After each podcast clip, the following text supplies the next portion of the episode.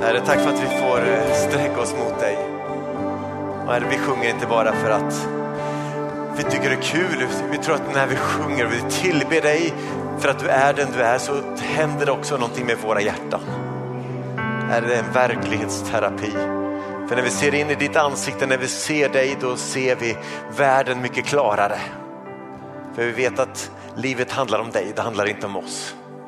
Livet handlar om dig, det handlar inte om vad vi längtar efter, vad vi drömmer om, vad vi önskar. Det handlar om vad du längtar efter, vad du brinner för, vad du önskar. Så låt oss få se dig. Låt oss få sträcka oss mot dig. Amen.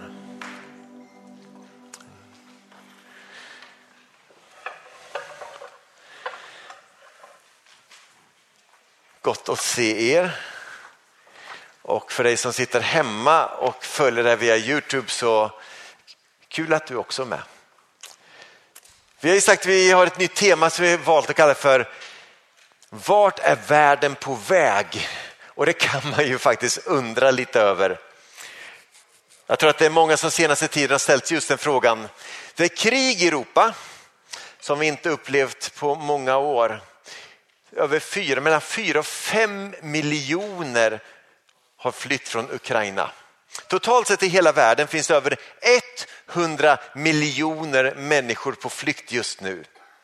Nyligen så publicerade FNs klimatpanel lite nya siffror och scenarier för klimatet.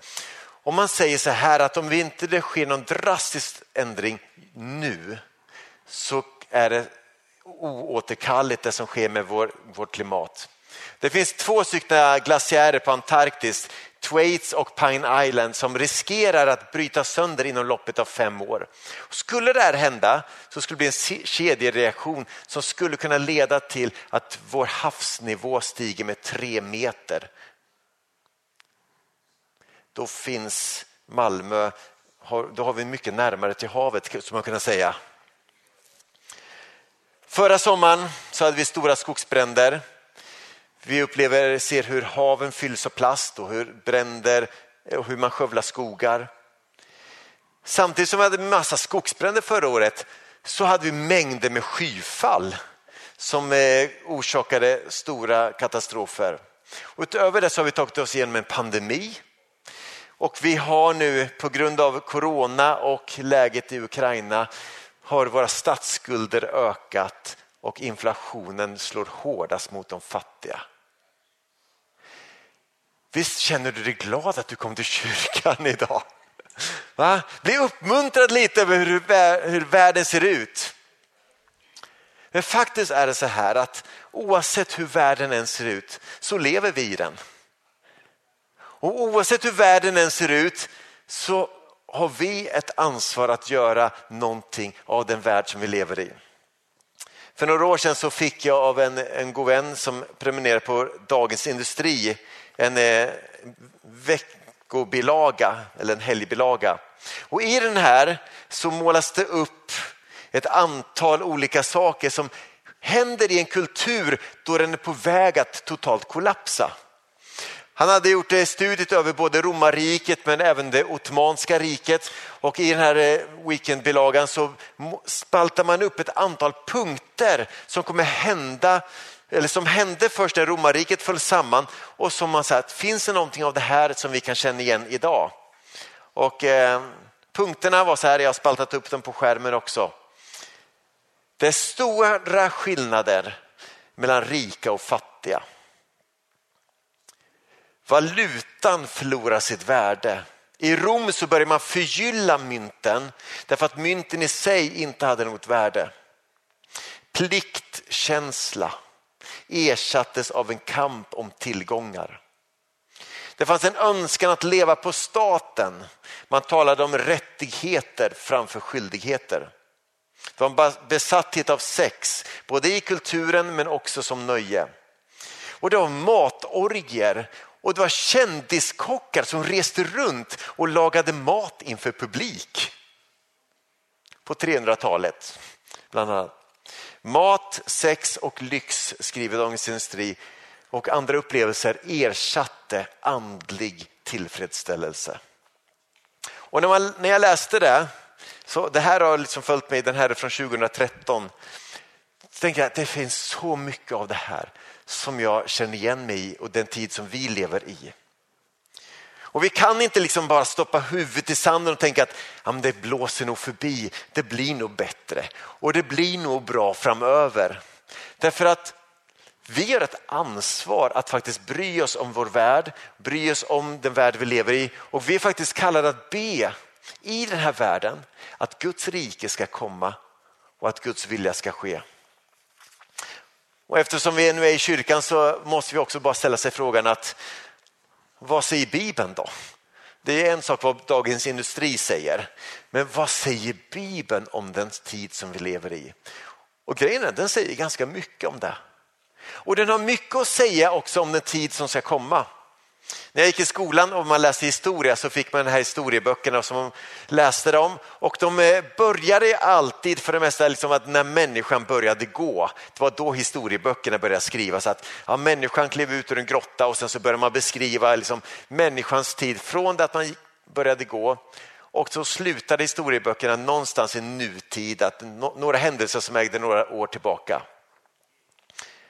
Men när man läser Bibeln så inser man att det här också är på sätt och vis en historiebok. För det här beskriver väldigt mycket av vår historia också. Skillnaden på Bibeln och vanliga historieböcker är att den här börjar långt innan någon annan historiebok börjar. Den börjar i begynnelsen. Den börjar från starten. Till och med innan det, för den säger att innan det fanns ett universum så fanns Gud. Och han fanns där redan innan allting. Samtidigt så är Bibeln en bok som slutar efter andra historieböcker. För den beskriver en tid som ska komma och den beskriver hur Gud en dag ska ta den här jorden och förnya den här jorden. Och han kommer att skapa så nya himlar och en ny jord. Det står inte i någon av de historieböckerna jag hade i skolan. Men det står i den här boken. Så den här sträcker sig tidigare än någon historiebok och den sträcker sig längre än någon annan. Och faktiskt har den mycket att säga till oss om hur våra liv ser ut idag och vår tid är. Och då jag läser Bibeln så inser jag liksom att Gud genom sitt ord kan både vägleda oss, hjälpa oss och liksom utrusta oss så att vi kan leva våra liv här i den här tiden på bästa möjliga sätt.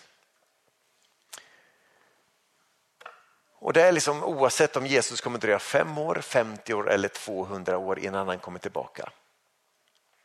Jag skulle vilja göra innan vi går vidare att jag bara ber en kort bön. Den här serien vi ska ha nu på fem veckor kommer att eh, förmodligen bli lite utmanande. Eh, men det är bra. Så vi ber. Herre, tack för att du vill tala till oss. Herre, när vi öppnar ditt ord och vi öppnar Bibeln så vet vi att det handlar inte bara om saker som har hänt en gång i tiden du har någonting att säga till oss idag. Oavsett om vi befinner oss i en läge där vi, där vi liksom tycker att livet är svårt, då har du någonting att säga. Och de som brottas med, med, med livet, de som brottas med relationer, de som brottas med arbete, med, med sjukskrivningar. Tack för att du har någonting att säga till oss alla. Att ditt ord är faktiskt levande och verksamt. Ditt ord håller. Och när vi läser i ditt ord så vet vi att där får vi så mycket mer än vi kan få från någon Dagens Industri eller från någon historiebok. För ditt ord är inte bara liksom människors ord, det är ditt ord till oss idag. Amen. Ni kommer märka de här fem veckorna att vi kommer läsa en del från Uppenbarelseboken. Och för dig som vill dyka ner ännu mer i den så har vi en bibelstudieserie på Youtube. Det är tusentals som har sett den redan. Ehm, titta på den. den. Där får du jättemycket kött på benen. Där får du massa info om den här boken, Uppenbarelseboken som du kan ha nytta av. Därför att samtidigt så är det uppenbart att när Bibeln talar om den sista tiden så är det något med allvar i rösten också. Och när man läser Uppenbarelsebokens liksom berättelse så inser man att oj, vad är det egentligen som ska hända? Men då är det ganska gott att påminna sig om bland det första som står i Uppenbarelseboken, från första verserna, så är det egentligen de här orden. Salig eller lycklig eller glad. Glad är den som läser upp och saliga, glada, lyckliga är de som hör orden i denna profetia och bevarar det som står skrivet i den.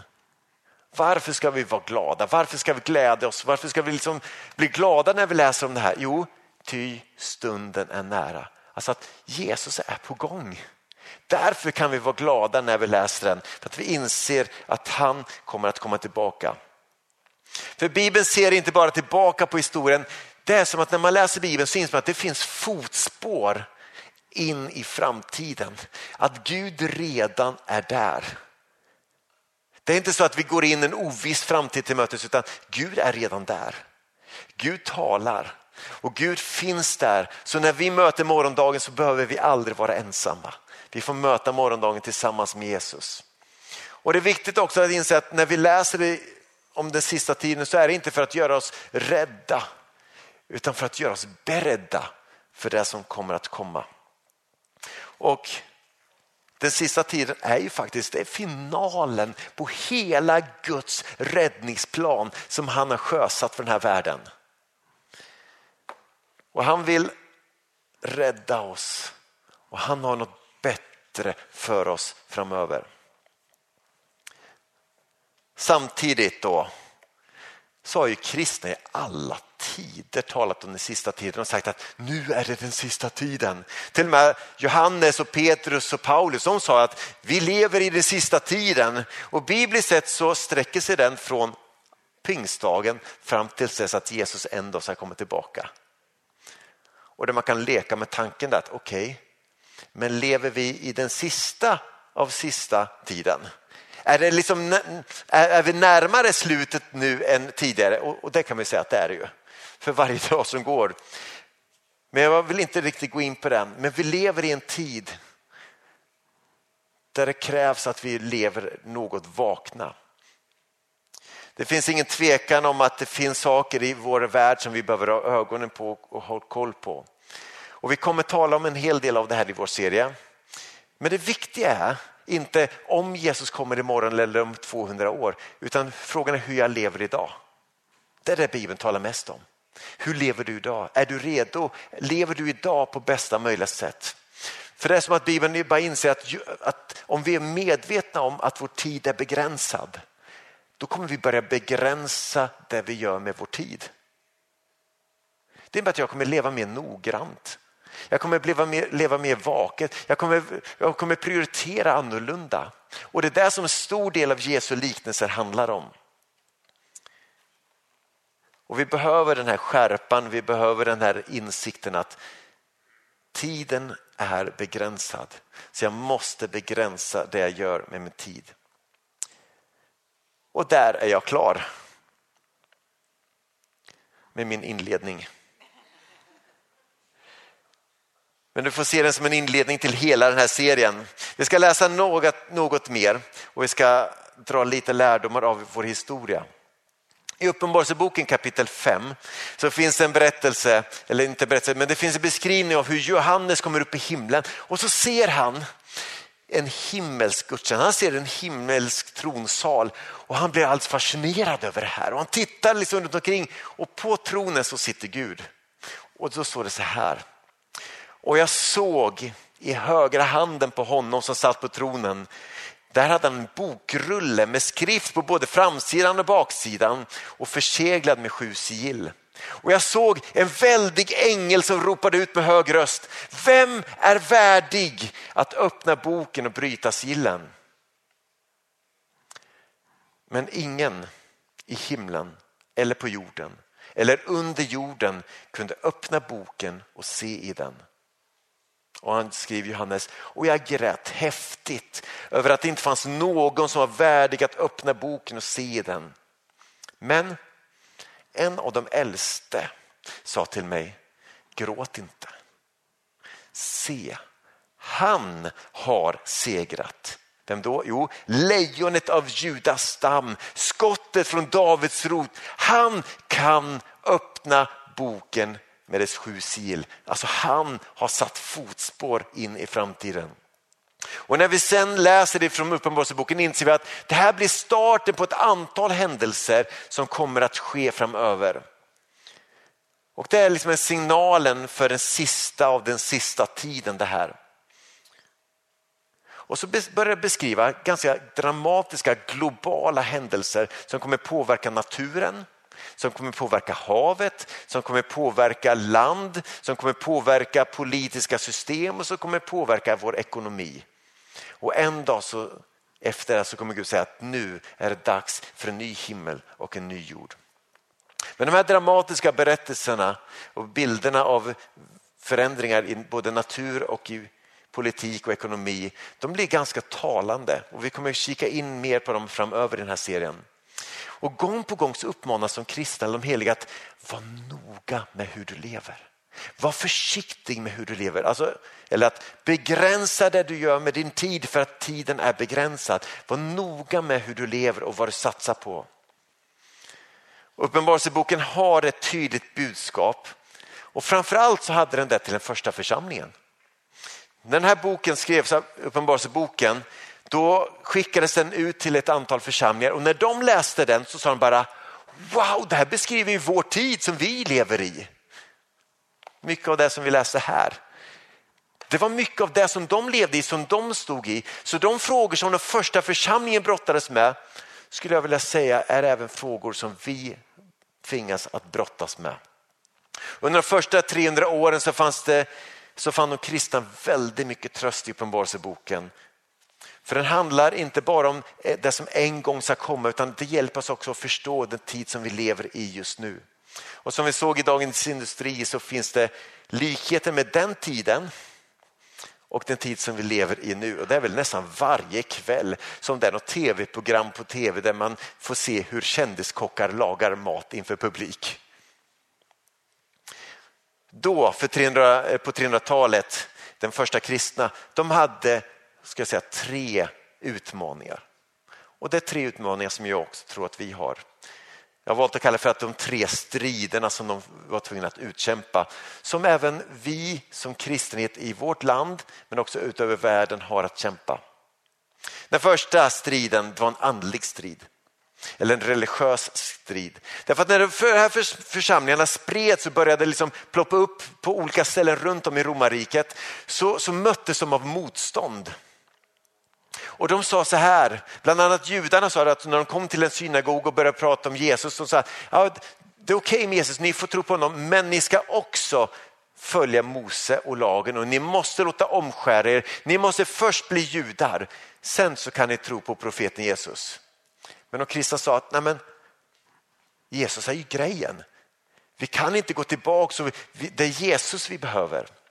I staden Rom byggdes år 27 före Kristus någonting som heter Pantheon. Om du har varit i Rom kanske du har sett den byggnaden. En rund tempelbyggnad med stort hål i taket och så finns det nischer runt hela väggarna i håligheter där det ställdes statyer av de romerska gudarna.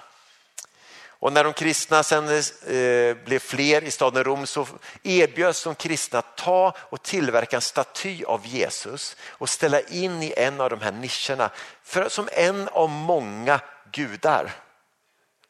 Och det var ju liksom en ära, tänk att nu blir vi äntligen accepterade av samhället. Men de kristna vägrade så att Jesus är inte en av många gudar. Han är den enda sanne guden. Vi kan, inte, vi kan inte låta honom stå bland alla andra. Och det här var inte populärt i Rom. Så man började förfölja de kristna och det här blev värre och värre ju mer tiden gick. Och den här striden tror jag även finns idag. Att man vill säga att ja, men Jesus bara är en av alla andra. Jag möter ofta när man talar med människor om, om religion sånt där, så säger de att ja, men alla religioner är väl samma sak, det är samma Gud och de säger ungefär samma sak. Så det spelar väl ingen roll vem man tror på. Och då säger jag att jo, det är en stor skillnad. Jesus är skillnaden. Vi tror att det finns bara en som kan bana vägen, en som kan leda oss till Gud. Det första mötet eller gudstjänsten, så här, synkretistiska eller mångreligiösa gudstjänsten i västvärlden, det hölls i Cambridge 1968. Där fanns judar, kristna, muslimer, hinduer och buddister närvarande. Och så hade man olika spelregler för den här gudstjänsten för att det skulle fungera. En av dem var att Jesus Kristus får inte nämnas någon gång. Man kan tala om Gud men man får inte tala om Jesus. Och Min upplevelse är att det är lätt idag att tala om Gud. Ja, men jag tror på Gud, ja det gör jag också lite grann. Men när man börjar tala om Jesus då blir det som att det blir som en elektrisk laddning i rummet. Man känner, det är någonting som händer nu, det här var inte riktigt bekvämt. Men vet du att Jesus är inte bekväm där. Det finns en, en kamp att utkämpa, att faktiskt säga att Jesus är en unik. Och den striden fick de första kristna utkämpa och de betalar ett högst pris för den. Men det är också en strid som jag tror vi måste utkämpa. Att säga att det är något unikt med Jesus. Han är den enda vägen till Gud. Det är bara Jesus som kan förlåta synder. Det är bara Jesus som kan erbjuda människor evigt liv. Ingen annan. Och för att klara leva i en sån tid och klara av den striden så behöver vi hålla oss nära Jesus. Och vi behöver vara ett bedjande folk som känner honom, som umgås med honom. Den andra striden var en intellektuell strid. Och det var en strid som de första kristna kämpade mot grekerna. Judar och kristna hade ungefär samma världsbild, samma gudsbild. Men så när man kom då till Rom, till, till mindre Asien och man spreds runt om i romarriket, då hände det någonting. För då kom det här grekiska tänkandet in i församlingen och det de gjorde det var att de sa att okej, okay, Tror ni på Gud? Ja, Gud han är andlig, han, det är någonting gott. Här på jorden så är det världsligt, det är materiellt och det är fysiskt. Det är någonting ont. Och så drog man isär det här. Och man sa att Gud som är god och andlig, han kan väl aldrig ha blivit kött och blod. Det går inte. Och man hyllade intellektet, man prisade filosofin och tänkandet och kroppen arbete, helst här kroppsarbete såg man ner på. Och Det som hände då i kyrkan det var att det uppstod det här att, att man började ifrågasätta, kunde Gud verkligen ha blivit människa? Hur kan han som är andlig bli kötslig? Det går inte. Och så börjar man ifrågasätta det. Och därför bland annat fick vi den apostoliska trosbekännelsen som, en, som ett svar på den striden. Så att vi tror på Jesus Kristus. Att han har blivit kommit hit, att han är en, blev en av oss. Johannes, lärjungen Johannes som bodde i Efesos utkämpade den här striden ständigt. Han sa så här att Gud blev människa, han blev kött och han bodde bland oss. Och Paulus han säger att, att Jesus ägde Guds gestalt men vakade inte över sin jämlikhet med Gud utan antog en tjänares gestalt när han blev som en av oss. Och den här striden att Jesus Kristus är Guds son, att han har kommit hit i kropp.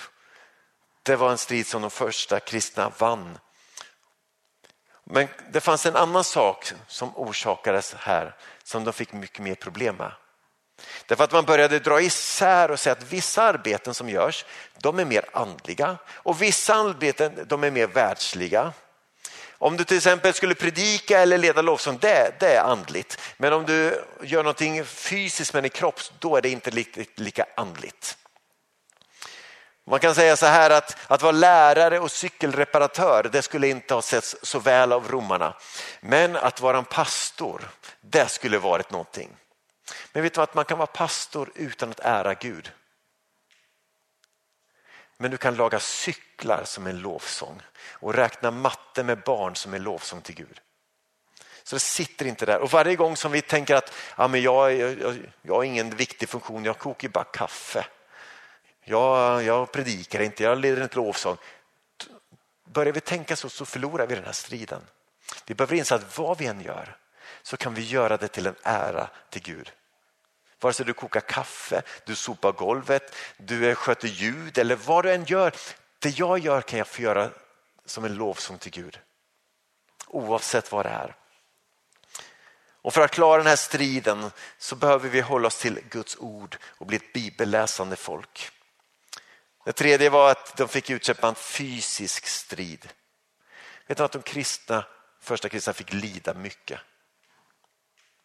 Det är lätt att vi tänker som hur det ser ut idag, att jag tänker ja, men den striden har ju inte vi idag. Nej, kanske inte i Sverige, men i majoriteten av länder över världen så finns det ett pris att betala för kristna om de vill stå upp för sin tro. Martyrskap har alltid varit en del av, den, av kyrkans historia och den är en stor del av de kristnas historia även idag. Just nu så toppar Afghanistan landet där det är farligast att vara en kristen.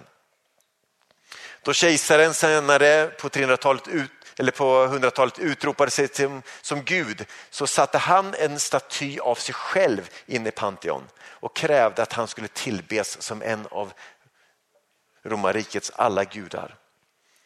Och då de kristna pressades att bekänna kejsaren som herre så vägrade man och sa att det finns bara en herre och han heter Jesus. Och för Rom var de kristnas lojalitet till Jesus så provocerande vilket orsakade de kristna mycket lidande. Det berättas att kejsar Nero till och med doppade kristna i kära, hängde upp dem på pålar och tände eld på dem som belysning i sin trädgård.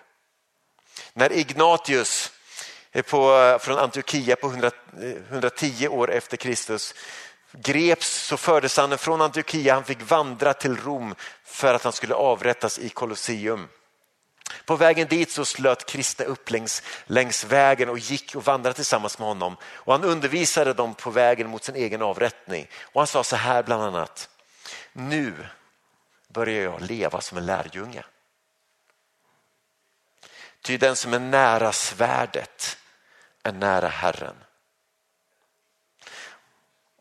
Det märkliga är att trots allt det här fysiska motståndet som fanns så växte den första kyrkan. Och åren gick och de kristna blev fler och fler fastän de förföljdes, fastän de fick lida. Så var det så här att, att de mer än någon annan stod upp för sin tro. Och det här ser vi även i vår tid. Att kristna som får lida, de, de är mycket mer frimodiga. Och det undrar bara, hur hänger det här ihop? Och som svensk kanske jag behöver vakna upp att inse att majoriteten av kristna idag, de lever inte i rika västländer.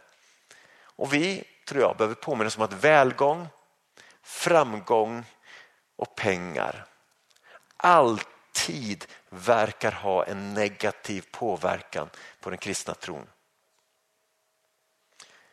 Därför att den provocerar vår bekvämlighet, vår längtan efter att ha det lugnt och skönt. Men för kristna som lever i länder där det finns ett pris att betala, där är man mer frimodig. Man är mer överlåten och man är mer hängiven. Och jag tror att vi har så mycket att lära.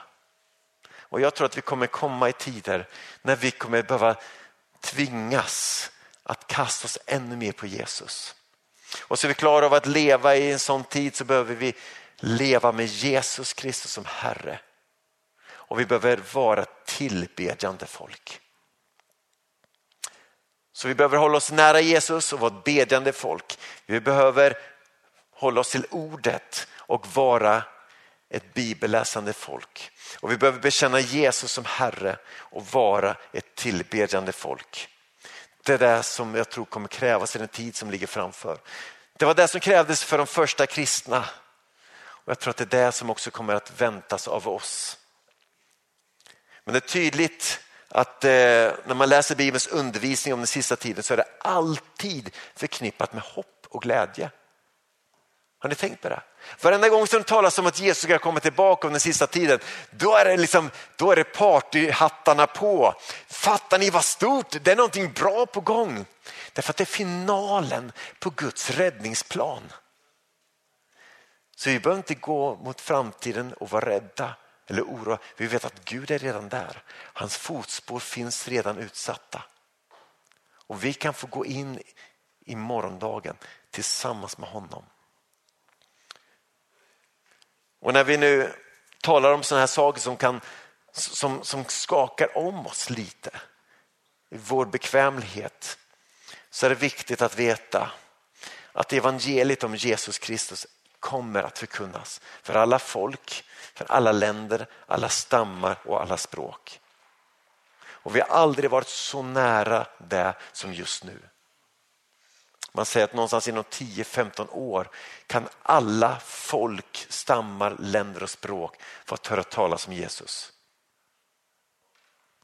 Och vilken glädje det ska bli att få se honom igen. Och det är en förmån att vi redan nu och här kan få lära känna honom som har satt sina fotspår in i framtiden. Han som är värdig, han som är lejonet av Juda, han som har segrat. Honom kan jag få lära känna här. Så att jag kan vara redo att gå in i en morgondag tillsammans med honom. Det är ett fantastiskt budskap som vi har. Men det är också ett budskap som vill få oss att leva lite mer vaket, lite mer noggrant. Och vi behöver lära oss tror jag att be den bön som avslutar hela Bibeln. Den näst sista versen i Bibeln är de här orden. Amen. Kom Herre Jesus. Så är det vi ber den här bönen just nu. Tack för att vi får sträcka oss mot dig. Vi får be, kom Herre Jesus. Vare sig du dröjer 5, 50 eller 200 år, Herre, det spelar ingen roll. Vi vill leva nu tillsammans med dig. Vi vill vara ett bedjande folk nu. Vi vill vara ett bibelläsande folk nu. Vi vill vara ett tillbedjande folk nu för att vi vet att när vi är där, då blir våra hjärtan redo. Då lever vi mer noggrant. Då blir vi mer försiktiga med vad vi gör med vår tid, med våra liv, hur vi förvaltar vår natur, den här världen. Hjälp oss att inse du redan har skrivit framtidens historia. Och att vi idag kan få lära känna dig som redan satt dina fotspår in i framtiden. Och jag ber Herre för den som är här inne som ännu inte känner dig. Som inte har lärt känna dig, som inte har sagt sitt ja till dig som Herre. Som kanske tänkt att ja, men det där, Jesus det är väl bra för några. Men jag ber Jesus att du skulle få komma just nu och knacka på våra hjärtan. Herre, vi behöver mer av dig.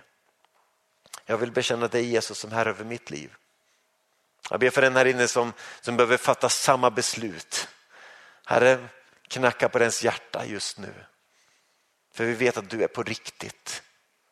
Du är inte bara någon tankebyggnad. Du är inte bara någonting andligt uppe i himlen någonstans. Du har valt att komma hit och bli en av oss. Dö på korset för vår synd och erbjuda oss ett evigt liv tillsammans med Fadern. Och tack för att vi just nu kan få se fram emot att du en dag ska komma tillbaka. Så amen, kom Herre Jesus.